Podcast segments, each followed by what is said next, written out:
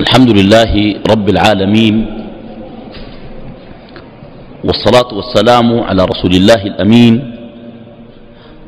المبعوث بخير دين الهادي إلى صراط الله المستقيم وعلى آله وأصحابه ومن اهتدى بهديه واستنى بسنته واستقام على شرعه إلى يوم الجمع والدين. كنا قد تحدثنا في الدرس الماضي عن منزلة من منازل إياك نعبد وإياك نستعين. وهي منزلة العزم. واليوم نتحدث عن منزلة الإرادة.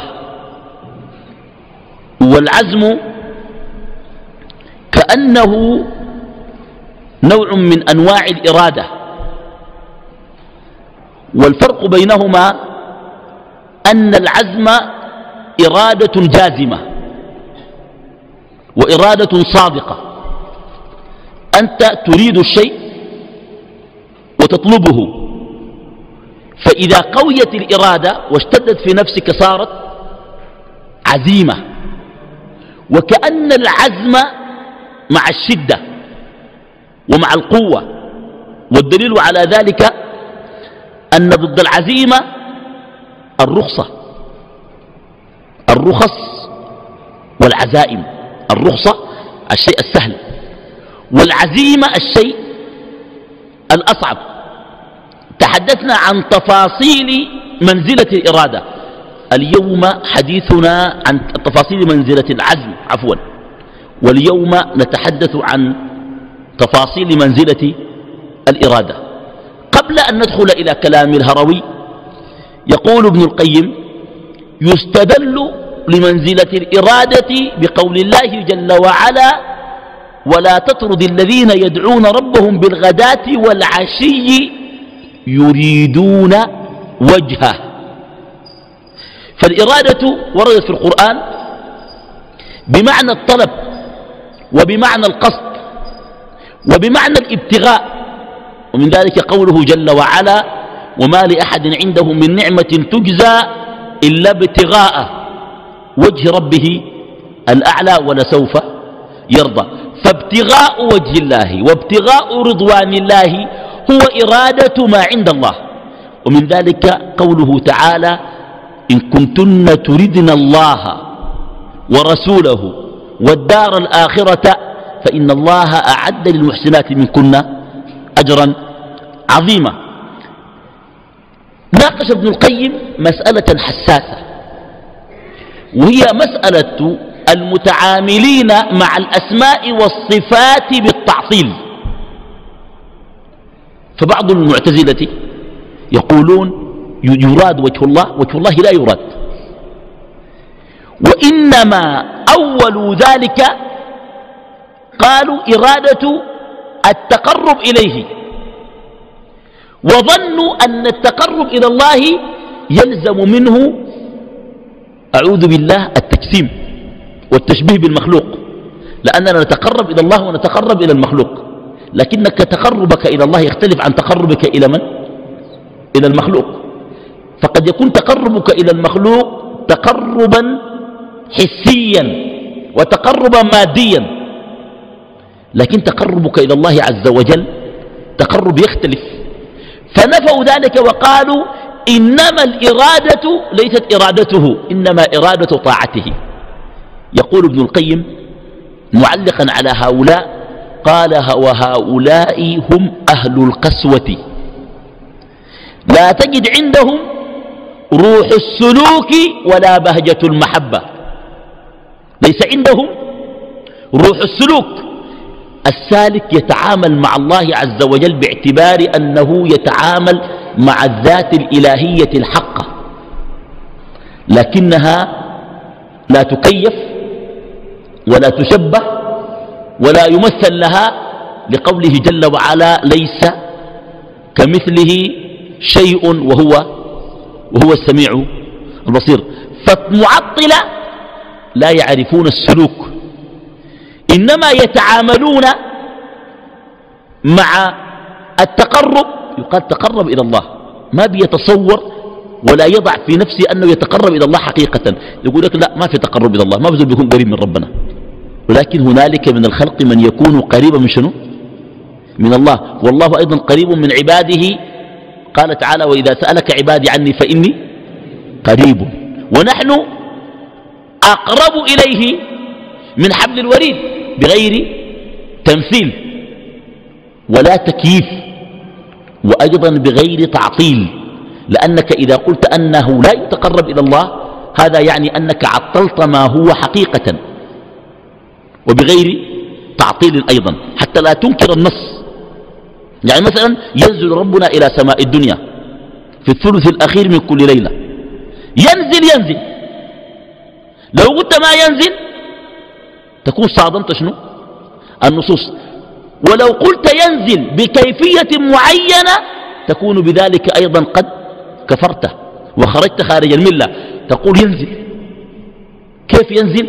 تقول هذا ليس للبشر ولا يتصورونه ولا يدركونه لأنه قال عن نفسه ولا يحيطون بشيء من علمه إلا بما شاء طيب ال ال ال ال ال الإرادة والطلب. إذا أطلقها أرباب السلوك تعرفون أرباب السلوك؟ نعني بأرباب السلوك السائرين إلى الله. والمناسبة العلامة ابن القيم يفرق بين العابد لله وبين السالك. العابد قد يعبد بالجوارح دون أن يتعمق في معاني العبودية بالقلب.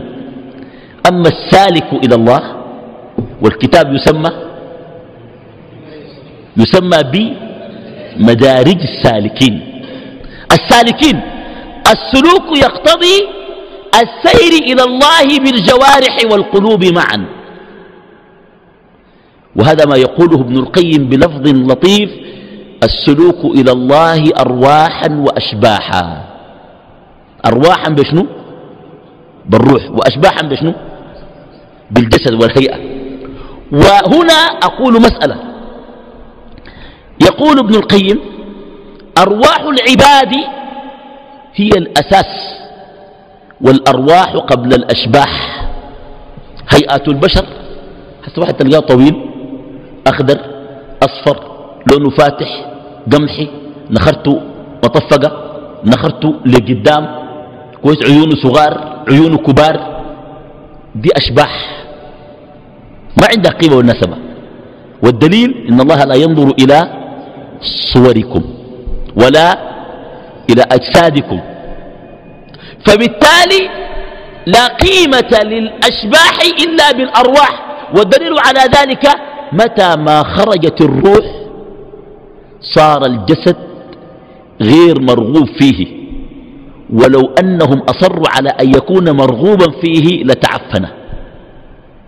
ولو لم يتعفن بالتحنط لظل بلا حركة ولا عطاء ولا إنتاج ولا عمل ولا فائدة. الروح هي القيمة المهمة. يقول ابن القيم أرواح الخلق أرواح تحوم حول الحش. أرواح تحوم حول شنو؟ الحش. الحش يعني شنو؟ الزبالة. الحش. الحش. أرواح تحوم حول الحش وأرواح تحلق حول العرش. في ناس أرواح فوق. دائما حتى قاعد مع الناس سعيد. لكن فكره وقصده وإرادته وتعلقه وفهمه مع الآخرة. بيكون قاعد مع الناس بجسده. أما روحه فإنها قطعت مسافات دونها الأكوان. دونها الأكوان. كده أثر عن السلف يقال ما بين العبد والعرش دعوة صادقة.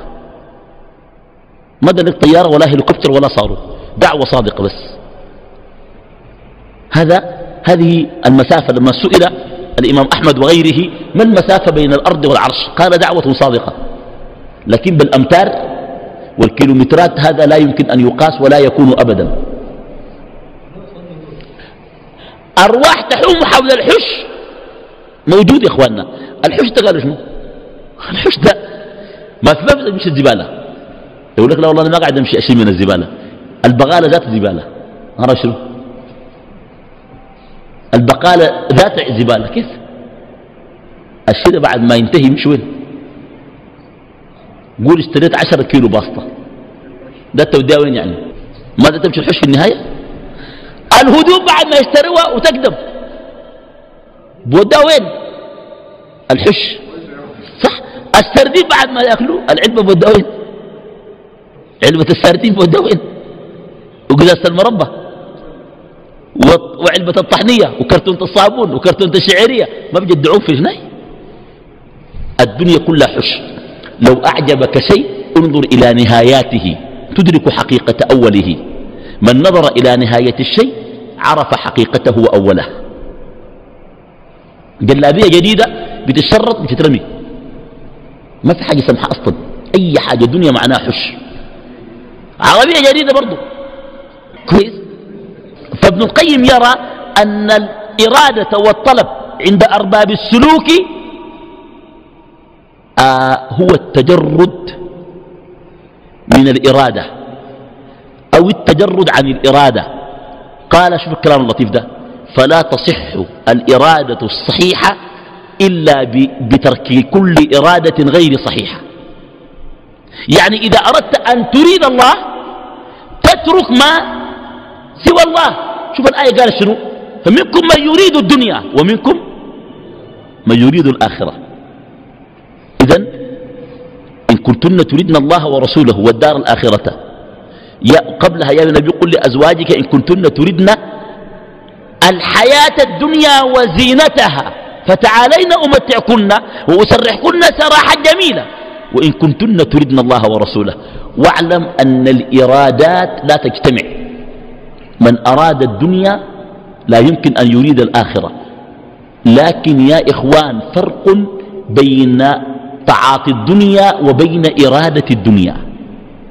لا بد أن نتعاطى جميعا الدنيا حتى الأنبياء والرسل كانوا يتعاطون الدنيا. ولم تكن هنالك دنيا في يد نبي كما كانت عند سليمان عليه السلام. لكنه ما أراد الدنيا أراد الآخرة. ولكنه تعاطى الدنيا وتعامل مع الدنيا. والفرق بين التعاطي وبين الإرادة الإرادة محلها القلب والتعاطي محله الجوارح. يمكن أن تتعاطى الدنيا بجوارحك. تركب آخر موديل تسكن في فيلا. لكن قلبك ده مع وين في الدنيا ولا في الآخرة.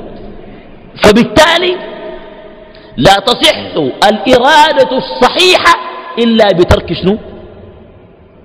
الإرادة الفاسدة. إذا قال ابن القيم الإرادة التجرد عن الإرادة. الإرادة التجرد عن الإرادة. الإرادة الأولى إرادة الآخرة والإرادة الثانية إرادة ما سوى الله سبحانه وتعالى. قال ابن القيم ومعظم أقوال العلماء في الإرادة إنما تنصب نحو ترك العوائد والرسوم. العوائد وشنو؟ والرسوم. العوائد العادات. الرسوم الأمور الظاهرة. الرسوم الأمور شنو؟ الظاهرة. والرسم الطريقة التي ترسمها وتسير عليها. بس كده ابن القيم رحمه الله يقول شنو؟ يقول ترك العوائد والرسوم والصور. والصور دي مش الاستوديو. القروش صور الأولاد صور. وهكذا. أحيانا يقول ترك الأغيار ويراد بالأغيار كل شيء غير الله يزاحم محبة الله وإرادته. تسمى شنو؟ أغيار لأنها غير الله. فبالتالي ترك العادات والرسوم وعدم التعلق بها. حتى في واحد قبل كده سمع كذا مني وأنا ضربت مثل في الوقت ذاك قلت مثلا عندك عربية بتركبها حقتك. تخلصا من العوائد والرسوم أركب مواصلات. توطينا للنفس على أسوأ الحالات. فإن النعم لا تدوم. ولذلك عود نفسك شيء من الشدة ومن الصعوبة. كان ده كويس؟ قام جاني امبارح. قال لي أنا؟ قلت بس قال لي فجأة جاني كلامك قلت يا أخي اسمع الزول يوطن نفسه. يا إخواننا إياك أن تجعل لنفسك ارتباط بشيء. حتى ولو ما في شيء. مثلا العيال أخطر حاجة. عيالك حبهم وأكرمهم. واحسن إليهم ما تتعلق بهم لأنه بيجي زمن بتفارقهم بيجي زمن الدين بيفصل بيناتكم. بتعمل شنو؟ الدين ولا العيال؟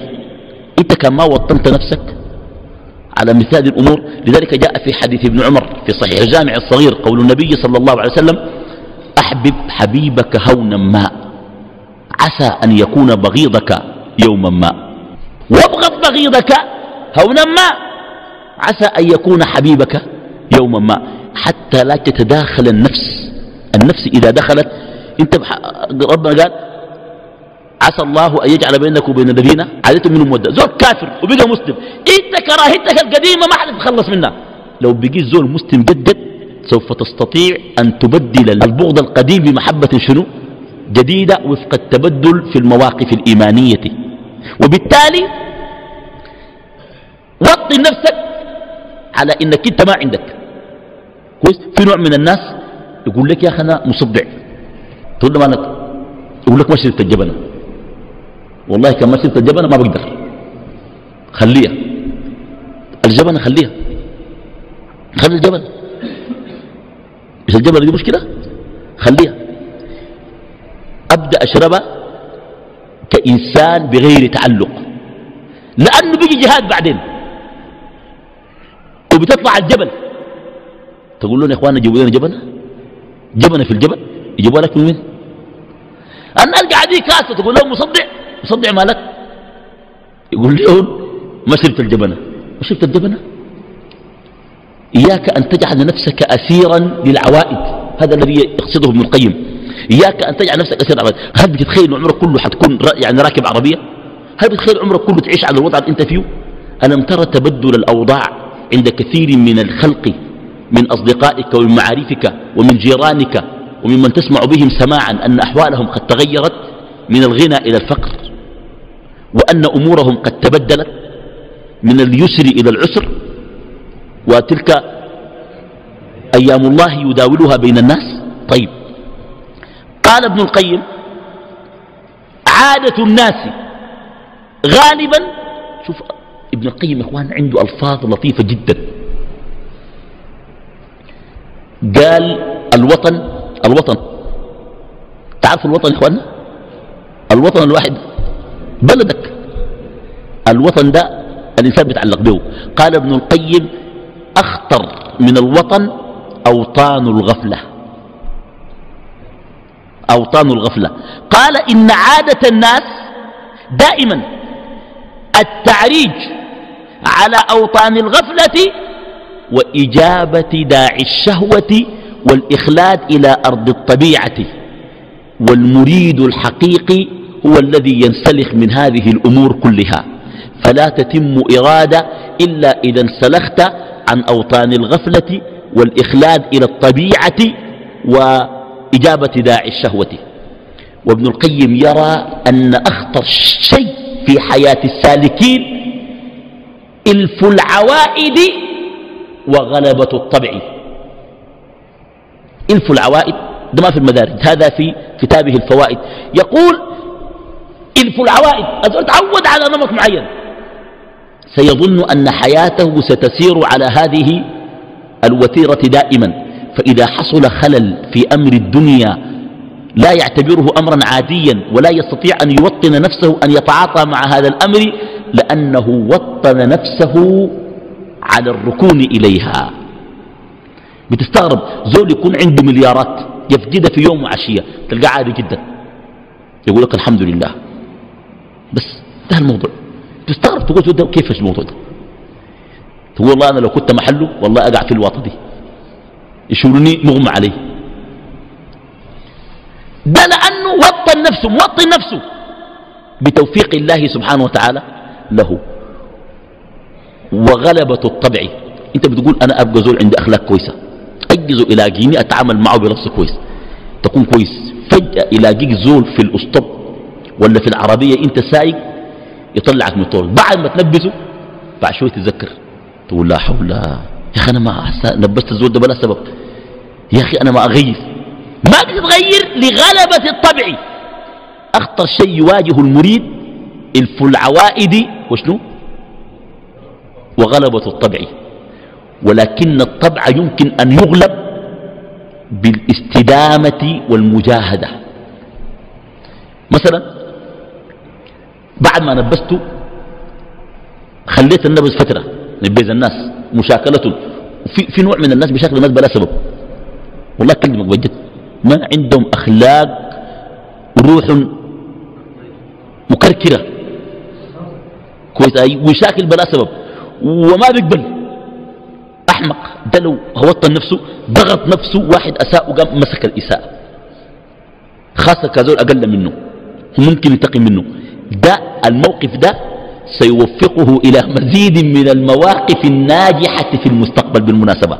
حتى لو ساكل سوف, سوف يسب بدرجة أقل من الدرجات التي كانت أولى. وهذا يدل على أنه يسير في طريق شنو؟ في طريق الاستدامة والمجاهدة استدامة الخلق الطيب. قال ابن القيم وقيل الإرادة نهوض القلب في طلب الحق. وأجمل ما في العبارة أنه لا يطلب الحق لكنه يستنهض قلبه ويستفز مشاعره ويستخرج مكنون إيمانه. بالمجاهدة نحو الحق. قيل وقال يقال الإرادة لوعة تهون كل روعة.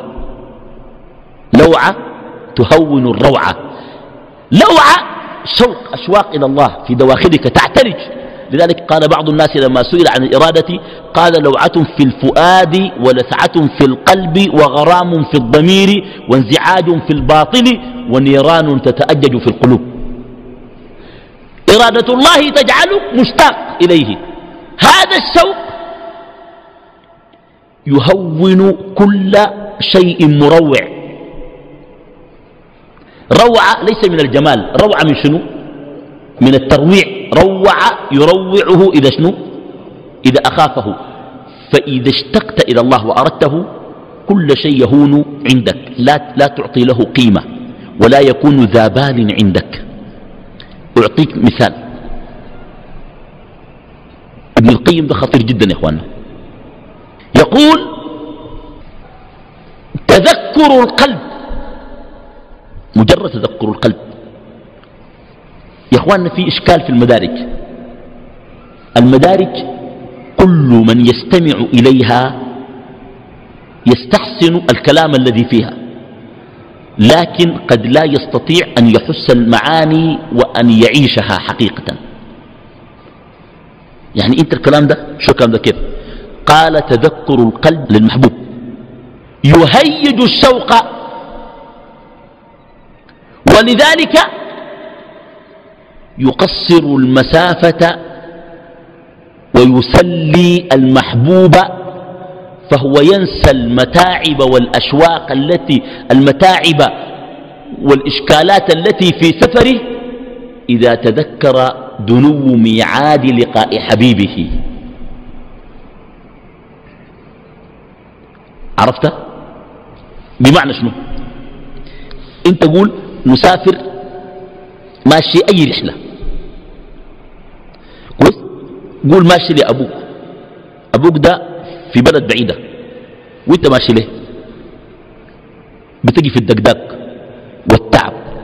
لما تتذكر إنه أنت لما انتصل حتلاقي أبوك الموضوع السفر بيشوفه بتخيف عليك بخيف عليك. كويس؟ زول ماشي من هنا مكة. شوقه مكة. ما بحس بالتعب. والتعب كان حصل لما يتذكر المحبوب يتسلى. هذا معنى كلام ابن القيم. إذا تذكر القلب وهجمت المحبة على القلب وتذكر دنو قربه من محبوبه خفف عليه نصب وتعب ومشاق السفر والطريق. لذلك أنا أريد أن أذكر العبارة. يقول آه قديما في السفر كانوا يذكرون أنفسهم الصحراء. يا إخواننا الصحراء بعيدة. الصحراء دي بيقطعوها على شنو؟ على على جمل أو على ناقة. تخيل. والله يمشوا مشي بيمشوا مشي والواحد يكون قاعد فوق بعيره ده أيام وليالي. يصادف شهر يكون ماشي. قال شنو؟ قال إذا شكت من كلال السير زعجها روح اللقاء فتحيا عند ميعادي إذا شكت من كلال السير زعجها روح اللقاء. لما يتذكر ما حيتلاقي به يقوم يحركه. فتحيا عند ميعادي تحيا للميعاد الذي تقصده. وكذلك المؤمن في طريق سيره إلى ربه. طيب يقول قال ابن القيم وللمريد صاحب الإرادة الصادقة دلائل وصفات منها التحبب إلى الله بالنوافل. هذه علامة من يريد الله علامة الإرادة. والمناسبة حتى لا تختلط عليكم الأمور حجينا منزلة المحبة. وقبل الإرادة كم منزلة شنو؟ العزم. ودي منزلة شنو؟ الإرادة كلها تختلف عن بعضها. العزم إرادة صادقة ولكن العزم بشدة. والإرادة بداية سير المريد إلى الله. أما المحبة فنهاية. المحبة شنو؟ نهاية. يعني نهاية الإرادة شنو؟ المحبة. فالإرادة جزء من المحبة. كيف يا أخوانا أنت عايز سموها إرادة ليه؟ لأن القلب أراد وتعلق بالمحبوب سميت الإرادة إرادة. فلذلك يقول من صفات المريد التحبب إلى الله بالنوافل والإخلاص في نصيحة الأمة والأنس بالخلوة. لما تخلو تكون مستأنسا. ما بتجعل نفسك إنك أنت لأن طالما أنت ذاكر لله ومستأنس ما بتشعر نفسك أنك في خلوة. والصبر على مقاسات الأحكام. الأحكام تحتاج إلى مجاهدة ومقاسات أعمل كده وما تعمل كده. تقوم تصلي الساعة كده. تحضر الصلوات. تخلي تكفي دكانك وتمشي تصلي. تعمل كده تسوي كده. فقال من علامات المريد التحبب إلى الله بالنوافل والنصيحة للأمة والأنس بالخلوة والصبر على مقاسات الأحكام والإيثار وإيثار أمره والحياء من نظره. كلام لطيف جدا بالمناسبة. المريد يؤثر أمر الله على حظوظ النفس ويستحي من نظر الله إليه. قال وبذل المجهود في محبوبه والتعرض لكل سبب يوصل إليه. والقناعة بالخمول. والقناعة بشنو؟ القناعة بالخمول كيف؟ الخمول مش في الطاعة في الشهرة. وفي, وفي أن يتعرف عليك الخلق. فقال والقناعة بشنو؟ والقناعة بالخمول. الخمول مش الخمول في الطاعة. لا ما قال لك الاجتهاد في الطاعة. لكن الخمول عن شنو؟ عن, عن الشهرة. ما تحب الشهرة. أواك تمشي على الشهرة. قال حتى يصل إلى محبوبه وإلى وليه. طيب. آه. قال حاتم الأصم في الإرادة إذا زعم أحد أنه يريد الله. وهذا حال جميع الخلق. تقول له اسمع أنت داير منه. يقول لك أريد وجه الله. قال بعد أن يقول أنه يريد وجه الله قال إذا أراد غيره دل على أنه عبد نزل. نزالة نزل. هي أصلا شنو؟ نزل يعني. من نزل. نزل من شنو؟ من نزل أو من نزل ذل يعني من من المذلة. طيب قال ابن القيم عنده كلام لطيف. قال لو أردت أن تكون مريدا الكلام ده منزل عليه. بس نسمعه بس. قال أن يكون نومه غلبة وأكله فاقة وكلامه ضرورة. أن يكون نومه غلبة. النوم ده إلا يغلب النوم. ما عنده طريقة ينوم. لأنه داير يصل لحاجة محددة. اللي بيخليه ينوم شنو؟ هو حيو داير يصل. وبعد تصل لمن إلى الله عز وجل. قال ابن الجوزي في صفة الصفوة أن رجلا كان يعبد الأصنام وأسلم وفي الليلة في الليل بعدين بعد ما نا بعد العشاء ناموا فأيقظ الذين كانوا سببا في هدايته من المسلمين. قال ربكم ينام؟ قالوا لا. قال بئس العبيد أنتم. بئس العبيد أنتم. عشان كده قال لك المريد الصادق نومه شنو؟ غلبة. وأكله فاق عند الحاجة. ما بسفسف ورمرم. قال نومه شنو؟ والله يا إخواننا أكلمك. أنا أنا لاقوني الناس دين الناس اللي بينوموا غلبة والله في ناس بيقلقوا قلق شديد. ما بيقدر ينوموا لأنه بيكون خايف في جنة وفي نار وكده. شفت كيف؟ يعني بيكون بيكون نومه نومه ذاته غلبة. طيب ما لا مطمئن من جوانب أخرى. مطمئن من الدنيا والشتات والخوف والخلق ما بتخاف. لكن ما مطمئن لأنك أيضا تخشى مكر الله. إن الذين هم من خشية ربهم مشفقون والذين هم بآيات ربهم يؤمنون والذين يؤتون ما آتوا وقلوبهم وجلة أنهم إلى ربهم راجعون. كويس؟ أولئك يسارعون في الخيرات وهم لها سابقون. فهو مطمئن بذكر الله لا يدخله شيء من رعب الناس في الدنيا لكنه خائف ووجل. يخاف أن يؤخذ على غرة. حتى أذكر كنت أقرأ في تراجم بعض السلف امرأة من الصالحات تسمى عجردة تقريبا أو ما شاكل ذلك أو ماجد القرشية. كانت تعبد الله وكلما كلما أخذها النوم نامت ثم استيقظت المدعورة فيقال لها يعني أرهقت نفسك. قالت أخاف أن أوخذ على غرة ولا أكون ذاكرة لله. تخشى الأخذ على شنو؟ على غرة. فقال أن يكون نومه غلبة وأكله فاق وكلامه ضرورة. ما بيتكلم إلا إذا إذا احتاج إلى هذا الكلام. نعم. طيب. آه أفرد ابن القيم قال بعضهم نهاية الإرادة أن تشير إلى الله فتجده مع الإشارة. قال ابن القيم وهذا الكلام حمال أوجه. قد يراد به قد يراد بهذا الكلام. هذا نقلا عن أرباب السلوك. يقولون نهاية الإرادة أنا قلت نهاية الإرادة شنو؟ المحبة.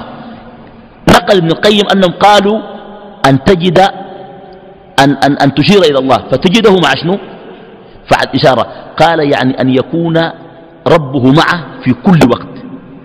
فلا يتوقف على وجود وجوده له على الإشارة منه بل هو دائما لا يحتاج أحد أن يذكره بالله. لأن الله دائما شنو؟ في قلبه حاضر.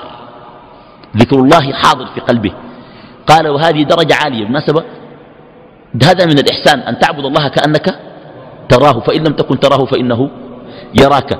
الثاني أن, تكون أن يكون حب الله ومعية الله معه حال وإرادة تامة.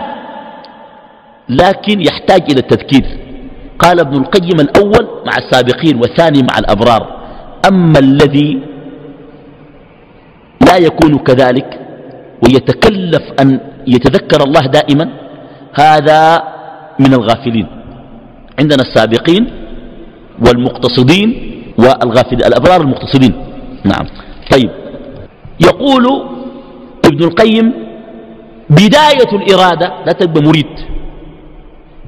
لا تبقى شنو؟ مريد. بداية الإرادة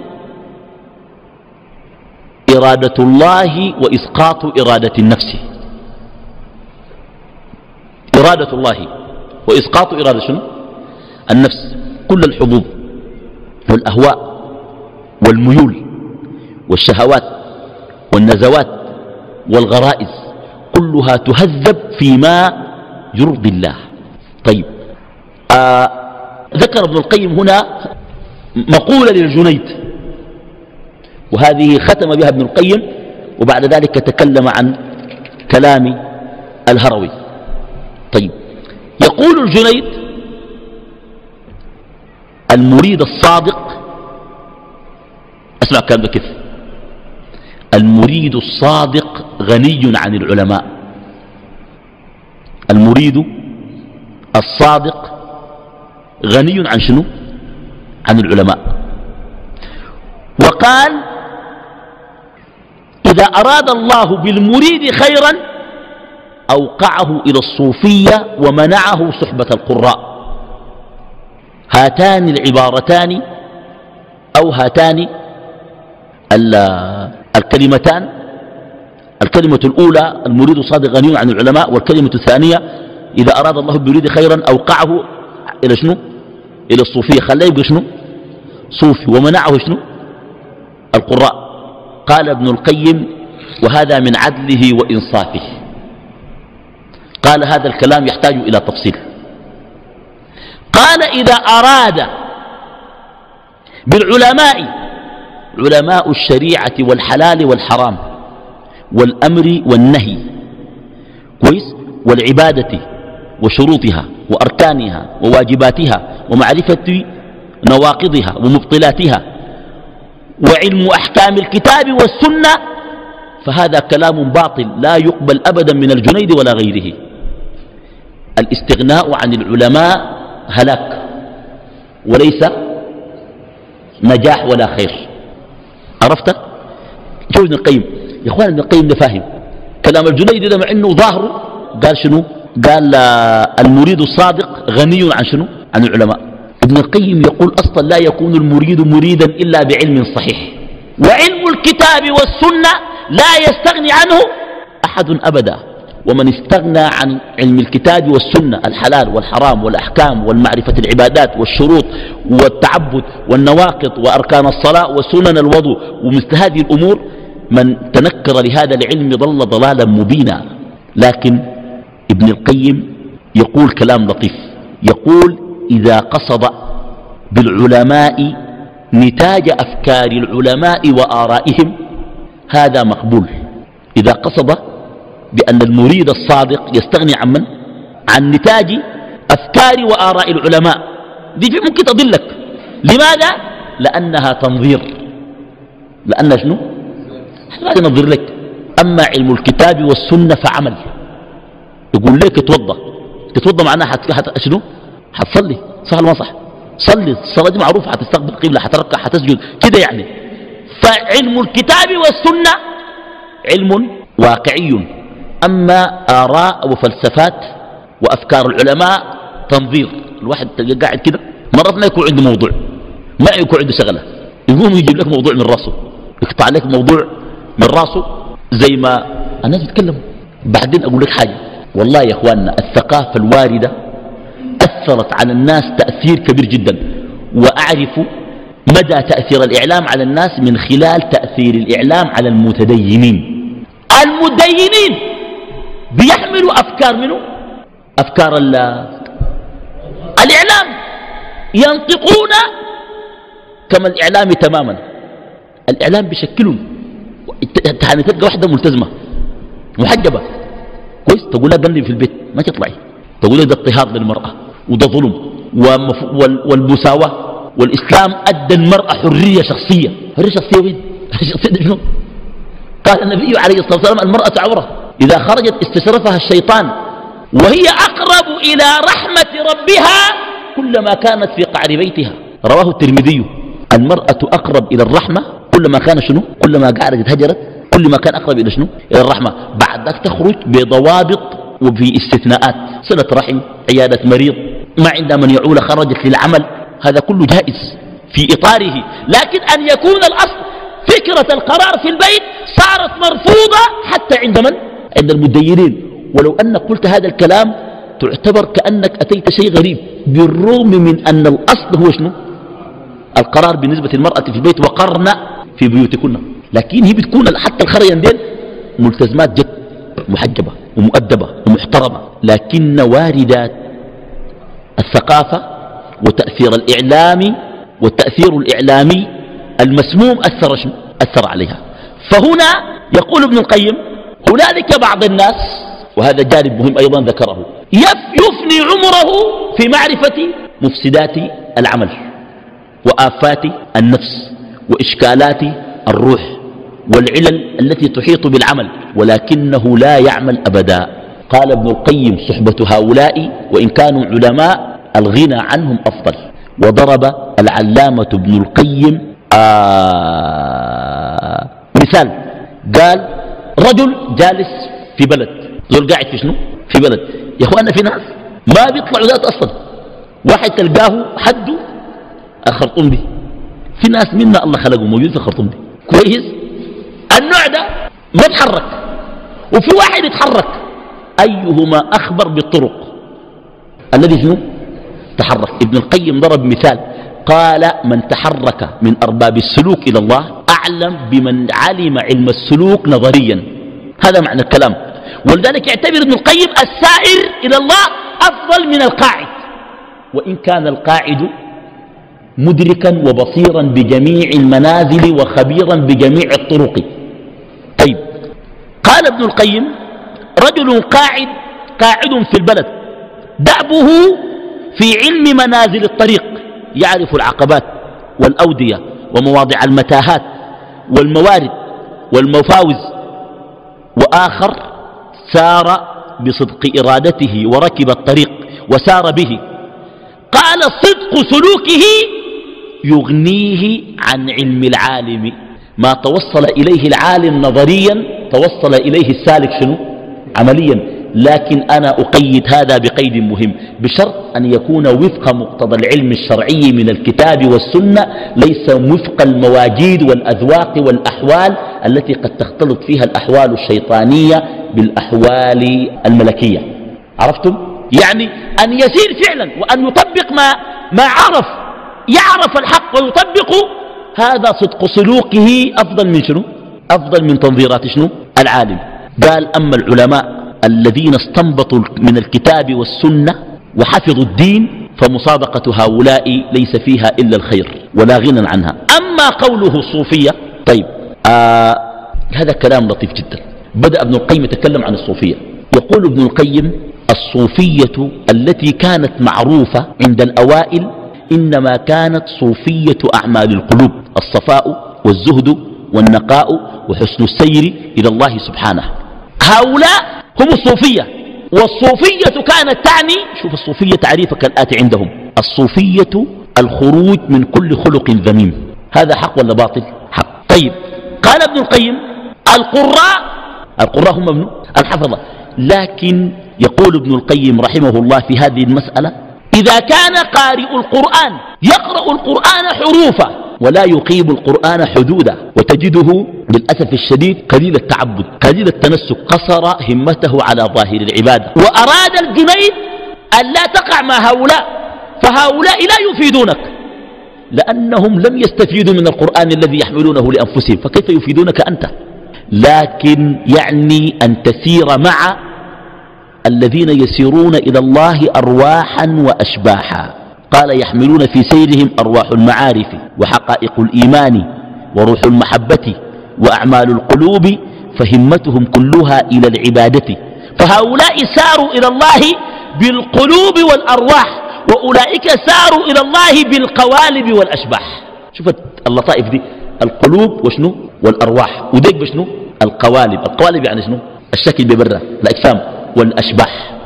فكأن ابن القيم يقول إذا قصد بالتصوف الزهد والنقاء والمحبة والأنس بالله وكثرة الذكر إذا قصد بالتصوف هذا المعنى هذا معنى مقبول. قال ابن القيم هو على ثلاث مراتب. التقوى أولى مراتب التصوف. والتقوى معناها التعبد والتنسك بعد التقوى التصوف والتصوف يعني التخلق بكل خلق حسن والخروج من كل خلق شنو؟ نميم قال وأعلى من التصوف الفقر وهي مرتبة التجرد وقطع كل علاقة تحول بين القلب وبين الله تعالى. الفقر عشان كده يقول لك شنو؟ الفقراء والفقير. هو مصطلح قديم. وسوف نتعرض لمنزلة اسمها منزلة الفقر. منزلة اسمها منزلة الفقر. ومنزلة اسمها منزلة الغنى العالي. دي منزلتين من منازل مدارج السالكين. منزل اسمها منزلة الفقر ومنزل اسمها منزل شنو؟ الغنى العالي. طيب آه، لم ندخل إلى الآن إلى كلام الهروي. هذه مقدمة ابن القيم رحمه الله حول هذه المسألة. يقول صاحب المنازل ومن هو صاحب المنازل؟ الهروي. باب الإرادة. قال تعالى قل كل يعمل على شاكلته. قال ابن القيم واستدلاله بهذه الآية يدل على رسوخه في علم السلوك. قل كل يعمل على شنو؟ على شاكلته. بمعنى شنو؟ المؤمن يعمل على ما يشاكله ويناسبه من إرادة الله والفاجر يعمل على ما يناسبه ويليق به من الفجور. قل كل يعمل على شنو؟ على شاكلته. كلما كانت همة العبد عالية كلما كانت شنو؟ إرادته ومطلوباته شنو؟ عالية. وكلما كانت همته نازلة كلما كانت إرادته شنو؟ سفر تقول له داير شنو؟ عربية آخر موديل. داير شنو؟ مية ألف بس يقول لك. تقول واحد داير شنو؟ يكون مفلس فلس تقيل يقول لك رضا الله والجنة. الدنيا يقول الدنيا سهلة تدبر. يا اخوانا إجابات التراكه دي فرق ولا ما فرق؟ فرق. أعلاهم. الدار الجنة ورضا الله طلعوا ده. أمسك الاثنين دول ذاته الاثنين دول ذاته في, في الدنيا دي في واحد فريق. واحد دار عربي آخر موديل واحد دار 100 الف بس. يا أخي أنت ما كنت طلبتها ما كنت حاجة كثيرة. صح ولا ما صح؟ قول دار شنو؟ قلت حاجة كثيرة. حتى في الدنيا. بيطلب حاجة بسيطة. ممكن ده يكون قناعة مش كده؟ وممكن يكون ضعف في شنو؟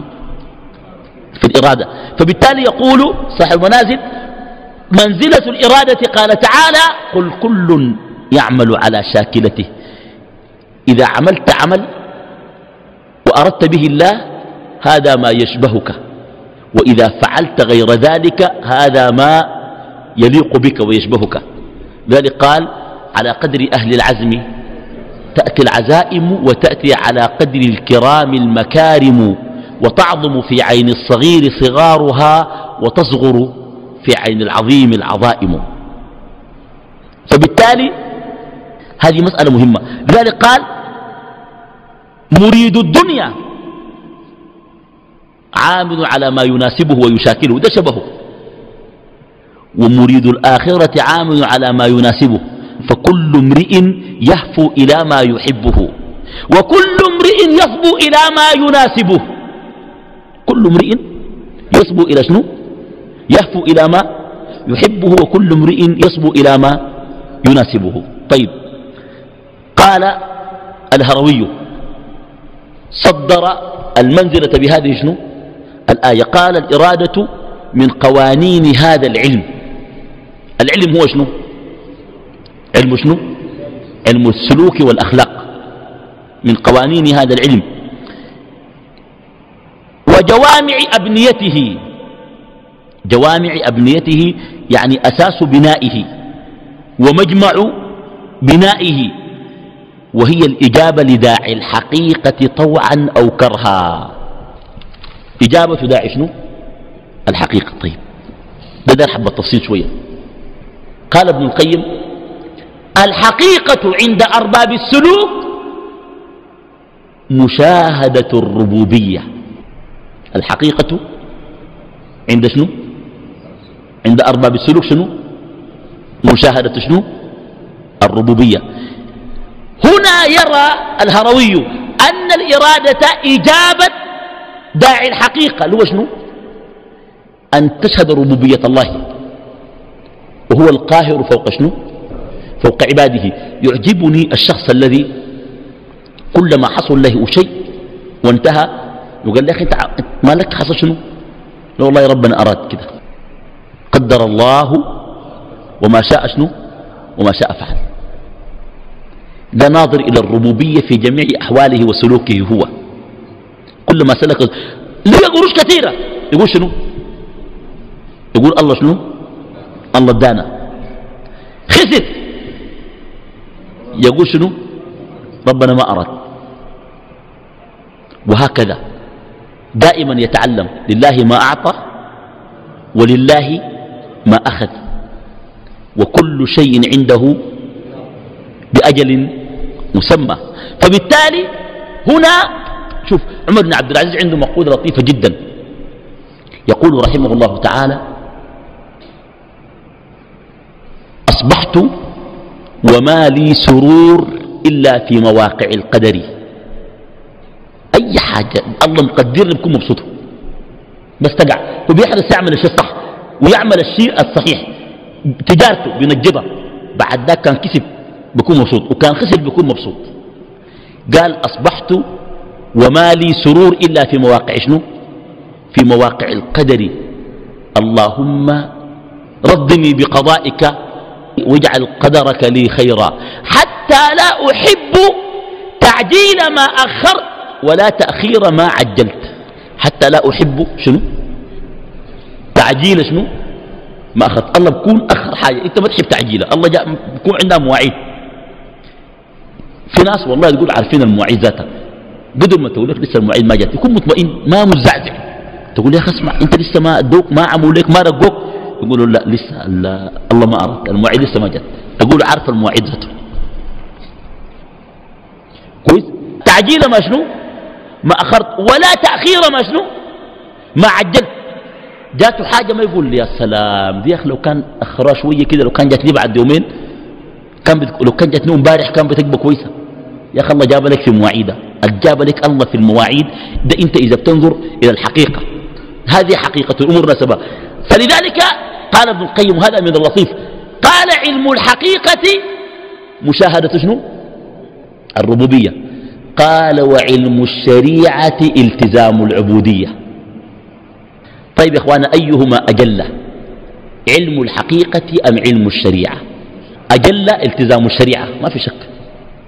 لأن مشاهدة الربوبية لم تغني قريشا ولا كفارهم شيئا. التزام العبودية. لكن علم الحقيقة مقدمة لالتزام الشريعة. انت لو نظرت إلى الحقيقة وعرفت الله وعظمته يدفعك هذا إلى ماذا؟ إلى عبادته ببصيرة. عرفت؟ لكن إذا قصد بعلم الحقيقة مخالفة الشريعة هذا علم باطل. لا يوجد علم اسمه علم شنو؟ علم الحقيقة. عرفت؟ في ناس بيقسموا دي يقول لك دي علماء الحقيقة ودي علماء شنو؟ ما في كلام ده. علم الحقيقة متاح لجميع الناس وعلم الشريعة متاح لشنو؟ برضه لجميع الناس. الدار يعبد الله يعبد. في زول دار يعبد الله قلنا ما تعبد الله. أي زول دار يعبد الله بيعبده. لكن علم الحقيقة مقدمة لعلم شنو؟ لعلم الشريعة. قال ابن القيم وإجابة داعي الحقيقة لا بد فيه من ثلاثة أشياء. أولا نفس مستعدة. نفس شنو؟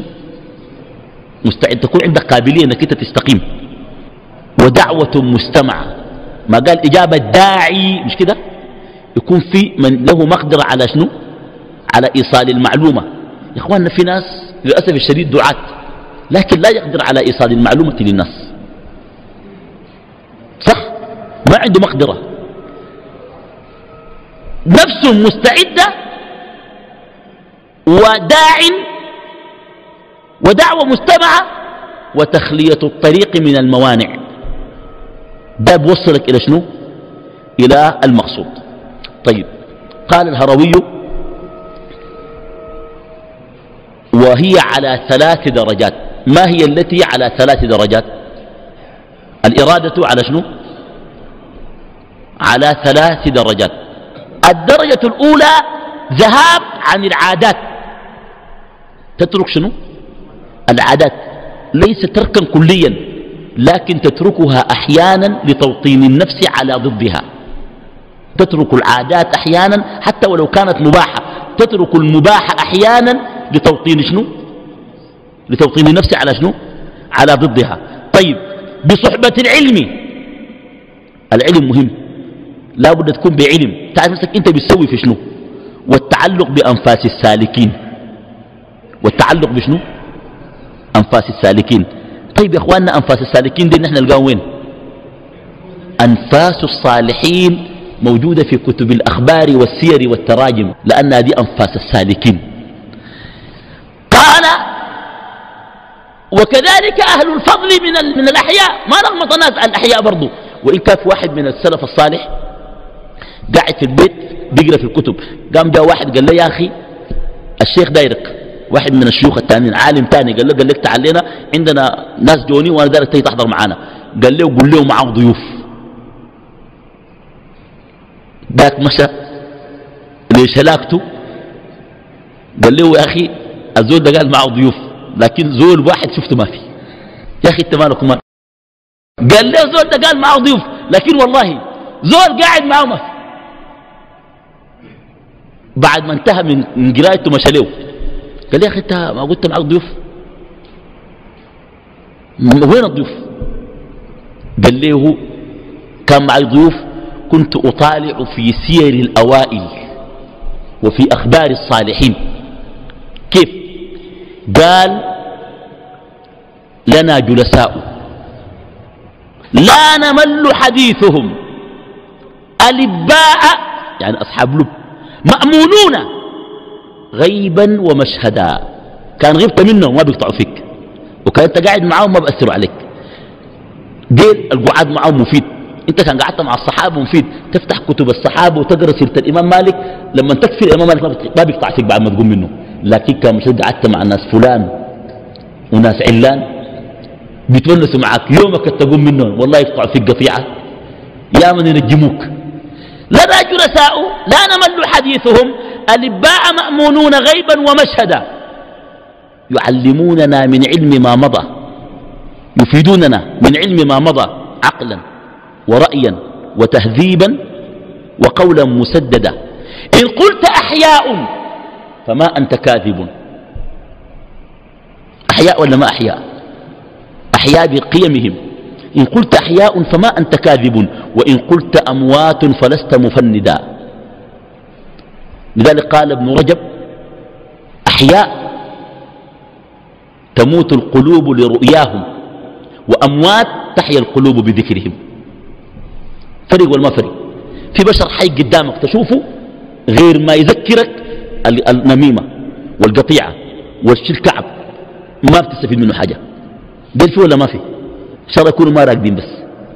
قال أحياء تموت القلوب برؤياهم وأموات تحيا القلوب بذكرهم. يقول لك قال عمر بن الخطاب بالله قلبك ده ينشرح. فعل عثمان بن عفان. يا من تتكيف؟ يقول لك قال الإمام مالك. حسب ابن القيم ده حي؟ حسه ذاته بيكون متصور إنه نحن قاعدين في الألفية الثالثة قاعدين نشرح في كتابه والهروي بيكون متخيل كلامي ده.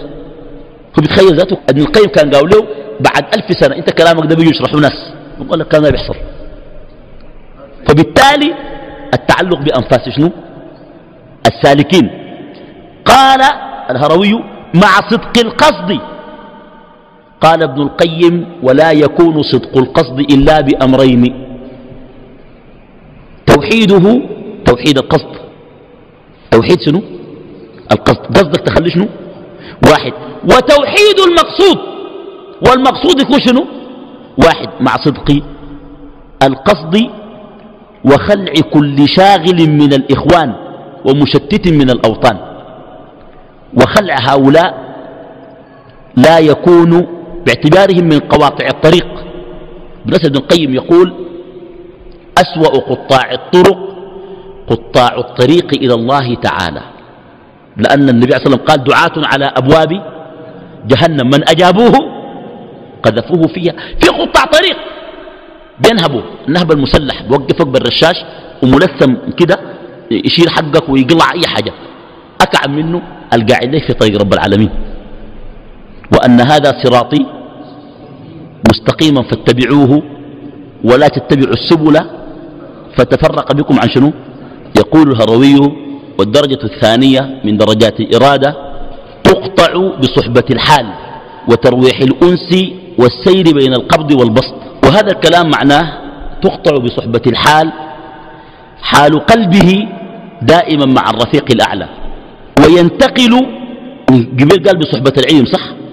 هنا قال بصحبة شنو؟ الحال. العلم جعله مثلا سمع في العلم إنه بيذوق طعم الإيمان. وجعلت قرة عيني في شنو؟ في الصلاة.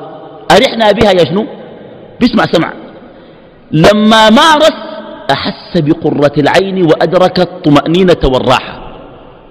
هذا جعله ينتقل من مجرد العلم النظري إلى إدراك الحقائق. وهذه منزلة الإحسان. قال الإحسان أن تعبد الله كأنك تراه. فإن لم تكن تراه فإنه يراك. فهو إرادته بدأت بأنفاس السالكين وصدق القصد وذهاب العادات بصحبة العلم. انتقل إلى صحبة الحال فتحول العلم إلى شنو؟ إلى أحوال يعيشها وحقائق يدركها ويلتمسها. يسمع بالشيء؟ يا إخواننا أنت بتسمع إنه مثلا مثلا مثال إنه إذا جلست في مجلس علم حفته الملائكة. في زول بيكون قاعد وما متخيل إنه في ملائكة ذاته. وفي زول بيكون قاعد ومتأكد إنه الملائكة حاضرة وانهم حافاهم وإنه الكلام ده جد وإنه اسمه مشى الملأ الاعلى فوق. الناس قاعدين كلهم بيجيبوا اسمائهم وتخيل كان في كل جامع في الدنيا فيه عالم بيدرس وناس حاضرين. كلهم الله بيجيبه وفي لحظة واحدة الآن الآن في ساعتنا دي في لحظتنا دي في كم مجلس علم موجود؟ في كم؟ في مجالس ولا مسلط عليها شنو؟ أضواء ولا إعلام كلها تذكر عند الله في ملأ فأنت تسمع تتعلم إنه في ما جلس بيت قوم في بيت من بيوت الله يتون كتاب الله يدرسونه بينهم إلا إلا نزلت عليهم السكينة وحفتهم الملائكة. هو بيسمع لكن مرات بيصل لدرجة ما سمعه شنو؟ يحسه ويدركه. فإذا هي إرادة تقطع بصحبة الحال وترويح الأنس ترويح الأنس من وصل إلى هذه الدرجة من الإرادة يعبد الله ولا يجد للعبادة مشقة. يبدأ يتعامل مع العبادة بتعامل اللذة والمتعة لا بتعامل التكاليف والمشاق. صح ما صح؟ يا اخوانا فرق بينك أنت تعبد الله وأنت حاسس إنك أنت شنو؟ تحبان وفرق بينك أنت تعبد الله تجي للصلاة دي جاري جري لأنك ما صليت ما ترتاح فرق ولا ما فرق؟ فقال هي تقطع بصحبة الحال وترويح الأنس والسير بين القبض وبين البسط. طيب وهنا في مسألة خطيرة جدا السير بين القبض والبسط. القبض سببه الخوف والبسط سببه الرجاء ودائما يكون بين الخوف وبين شنو؟ في ناس رجاء طوالي هؤلاء على شفا هلكة وفي ناس خايفين طوالي. وهؤلاء على شفا هلكة والصواب أن توازن طيب ابن القيم قام جاب حاجة عجيبة. اخواننا المسألة دي من ألطف ما موجود عند ابن القيم. يقول أحيانا يهجم على القلب قبض ولا يدري له سببا وأحيانا يهجم على القلب بسط لا يدري له سببا. يعني مرات أنت تكون إيمانياتك عالية وفجأة تلقى إيمانياتك نزلت لا في معاصي ولا في أي حاجة. لكن ما لا, لا, لا تدري السبب. شوف ابن القيم قال شنو؟ قال وهنا أمران التوبة والإستغفار. لأنه إذا حصل للعبد قبض عن الطاعة القبض يا إخواننا الفتور. مرات الزول بيكون دار يعبد وما قادر. عارف دي الصلاة وما قادر يمشي عليها. ودار يعبد ما قادر. دار يذكر ما قادر. المصحف قدام عينه ما يقدر يقرأ. يقول أنا الليلة بقرأ جزء. يجي ولحد ما ينوم. ما يقرأ ولا حرف هذا القبض قال ابن القيم سببه الجناية أو جفوة لا يشعر بها. لكن قال ابن القيم عند ورود هذا القبض على العبد أن يستسلم حتى يمضي وقته. فإن القبض أو الجفوة أو الفتور الذي يهجم على العابد فجأة بدون أسباب ليس له أن يدفعه. لا تدفعه. تتركه حتى يمضي لأن له وقت لا بد أن ينتهي وله حال لابد أن, أن ينقضي. بمعنى شنو؟ قال شخص طلب طلوع الفجر في وسط الليل. طلب قام صلى الفجر الساعة 2 صباحا. ده فجر ده؟ الله يقبله؟ معناها قال عليه الصلاة والسلام لكل عابد شره أي زول بيعبد في الأول بيكون عنده نهم على العبادة. يعبد يقرأ يصلي كثير يقرأ القرآن كده. تحشو بيلقى إنه في أي سبب؟ إيمانه في محله يقينه في محله مؤمن بالله ما قادر يعبد. العبادة دي ما قادر يقوم عليها. يصلي عشر ركعات تاني ما يقدر يصلي ولا ركعة. بس الفرض ده يا الله. ابن القيم قال هذه فترة سوف تمر عليه لأنه قال لكل عابد شرة ولكل شرة فترة. لا بد من الفتور ده. الفتور ده عشان يستعدل بعد ده كويس. فقال يكون منقبض إلى أن يأخذ شنو؟ نون إخوان حتى يقول لك النزلة. يقول لك ما داري علاج داري شنو؟ عندها فترة معينة. الفترة دي كان ما راحت النزلة دي شنو؟ ما بتروح. له هي فترة حضانة الفيروز. فبالتالي فمعناها فتورك ده عبارة عن فيروز أصابك. لو ما أخذ فترته وبراه فات ما بينتهي. لكن هنا قاعدة مهمة. عندما يعرض عليك الفتور في عبادتك إياك أن تفرط في الفرائض. اجعل الفتور في النوافل لتستعيد عافيتك بعد ذلك. يعني الفتور ده حد يكون وين؟ في النوافل ما يقوم يخش وين؟ في كخش في الفرائض بيبقى كعب هنا. هذا معنى كلام ابن القيم أنه قد يهجم عليه. طيب قال شنو؟ قال ابن القيم قال شنو؟ قال إذا هجم عليك القبض وارد القبض قال فانتظر حتى تنقشع شنو؟ الظلمة. طيب إذا هجم عليك داعي الانبساط داعي البسط داعي شنو؟ البسط شعرت نفسك إيمانياتك شنو؟ أه؟ عالية. وعباداتك مالها تقيلة وصلاتك في شنو؟ في مواعيدها. وانت بعيد من المعاصي وحاسس نفسك فوق فوق. زول جنة جنة بس. تقول أنا حاسة كان مت بس الجنة طوالي. إذا جاءك وارد البسط قال ابن القيم عند ورود وارد البسط عليك الوقوف عند البساط. عند الانبساط. الوقوف على البساط. عند الانبساط. الوقوف على البساط تلجم نفسك. تقول هوي حسب تجهجه بعد شوية اعمل حسابك. ما تتكبر. تلجم نفسك. عند ورود داعي البسط تقف على البساط. البساط يعني شنو؟ الفرش. عند الانبساط. يعني عند الانبساط تقف على البساط. باختصار. عند الانبساط تقف على شنو؟ على البساط وهذا يحتاج إلى حذر. يعني كن حذرا عند شنو؟ عندما تأتيك الحالة الإيمانية. عشان ما تقودك الحالة الإيمانية إلى غرور وعجب وخروج عن حد شنو؟ الاعتدال. يقول أخيرا الهروي الدرجة الثالثة ذهول مع صحبة الاستقامة. وملازمة الرعاية على تهذيب الأدب. طيب الكلام ده يعني فيه آه يعني صعب شوية. أنا متأكد أنه الشيء ده صعب. الذهول الذهول بيبعد الإنسان عن الاستقامة. عشان كده قال ذهول مع شنو؟ مع صحبة الاستقامة. الذهول معناها ترك الأعمال. تكون ذاهي هنا يقول ابن القيم لا يحق لأحد أن يترك الطاعات بحجة أنه صار قريبا من الله حتى صار مذهولا. يمكن تذهل بعظمة الله تكون مذهول بعظمة الله لكن مع المحافظة على شنو؟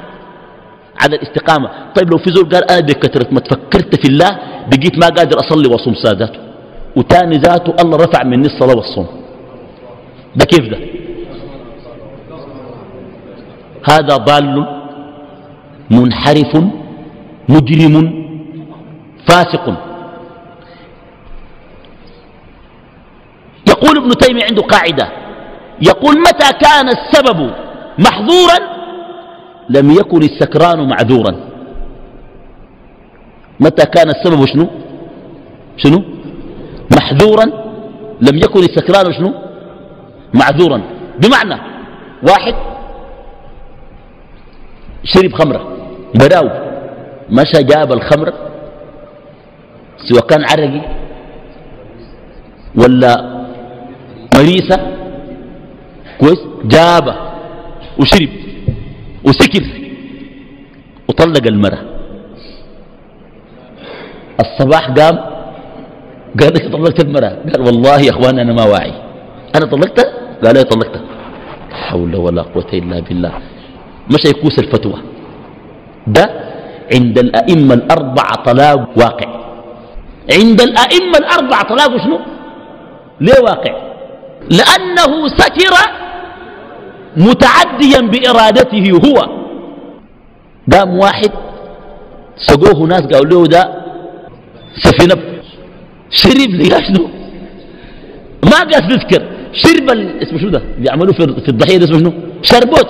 والشربوت كان شوية معتق شوية كان. شرب وقام سكر وشاكل مع المرة وطلقها. ده طلاقه ماله ما يقع لا يقع.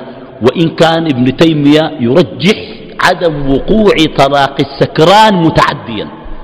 بعد يرى إنه شنو؟ تعديا لكن هؤلاء يقولون سكرنا بالذكر والعبادة. قال ابن القيم سكروا بذكر وعبادة غير شرعية. وإلا لو ذكروا الذكر الشرعي وتعبدوا العبادة الشرعية لما سكروا. لماذا لم يسكر الصحابة؟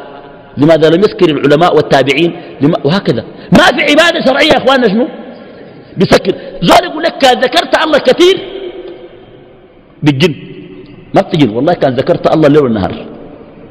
ولسانه ده ما وقف ما بتجن. لكن تذكر الذكر الجد. سبحان الله الحمد لله كده. في بيقول سبحان الله مليون مرة. اللي بيجنن شنو؟ سبحان الله. مفتح عينه دي مفتحات. سبحان الله سبحان الله سبحان الله في شنو في الصباح ما في شيء أصلا. ومن الليل فاسجد له وسبحه. ليلا طويلة. لكن الذكر غير المشروع بجنن. وكان جننك بعد ما تنوم إلا شنو؟ إلا نفسك. ده معنى الكلام. فابن القيم يقول ذهول. وهو نوع من أنواع الغيبة في شهود الحقيقة. تمعن وتفكر في خلق الله وفي ربوبية وعظمة الله. هذا هذا الذهول لا يقبل إذا فارق الاستقامة. فهو ذهول مع صحبة شنو؟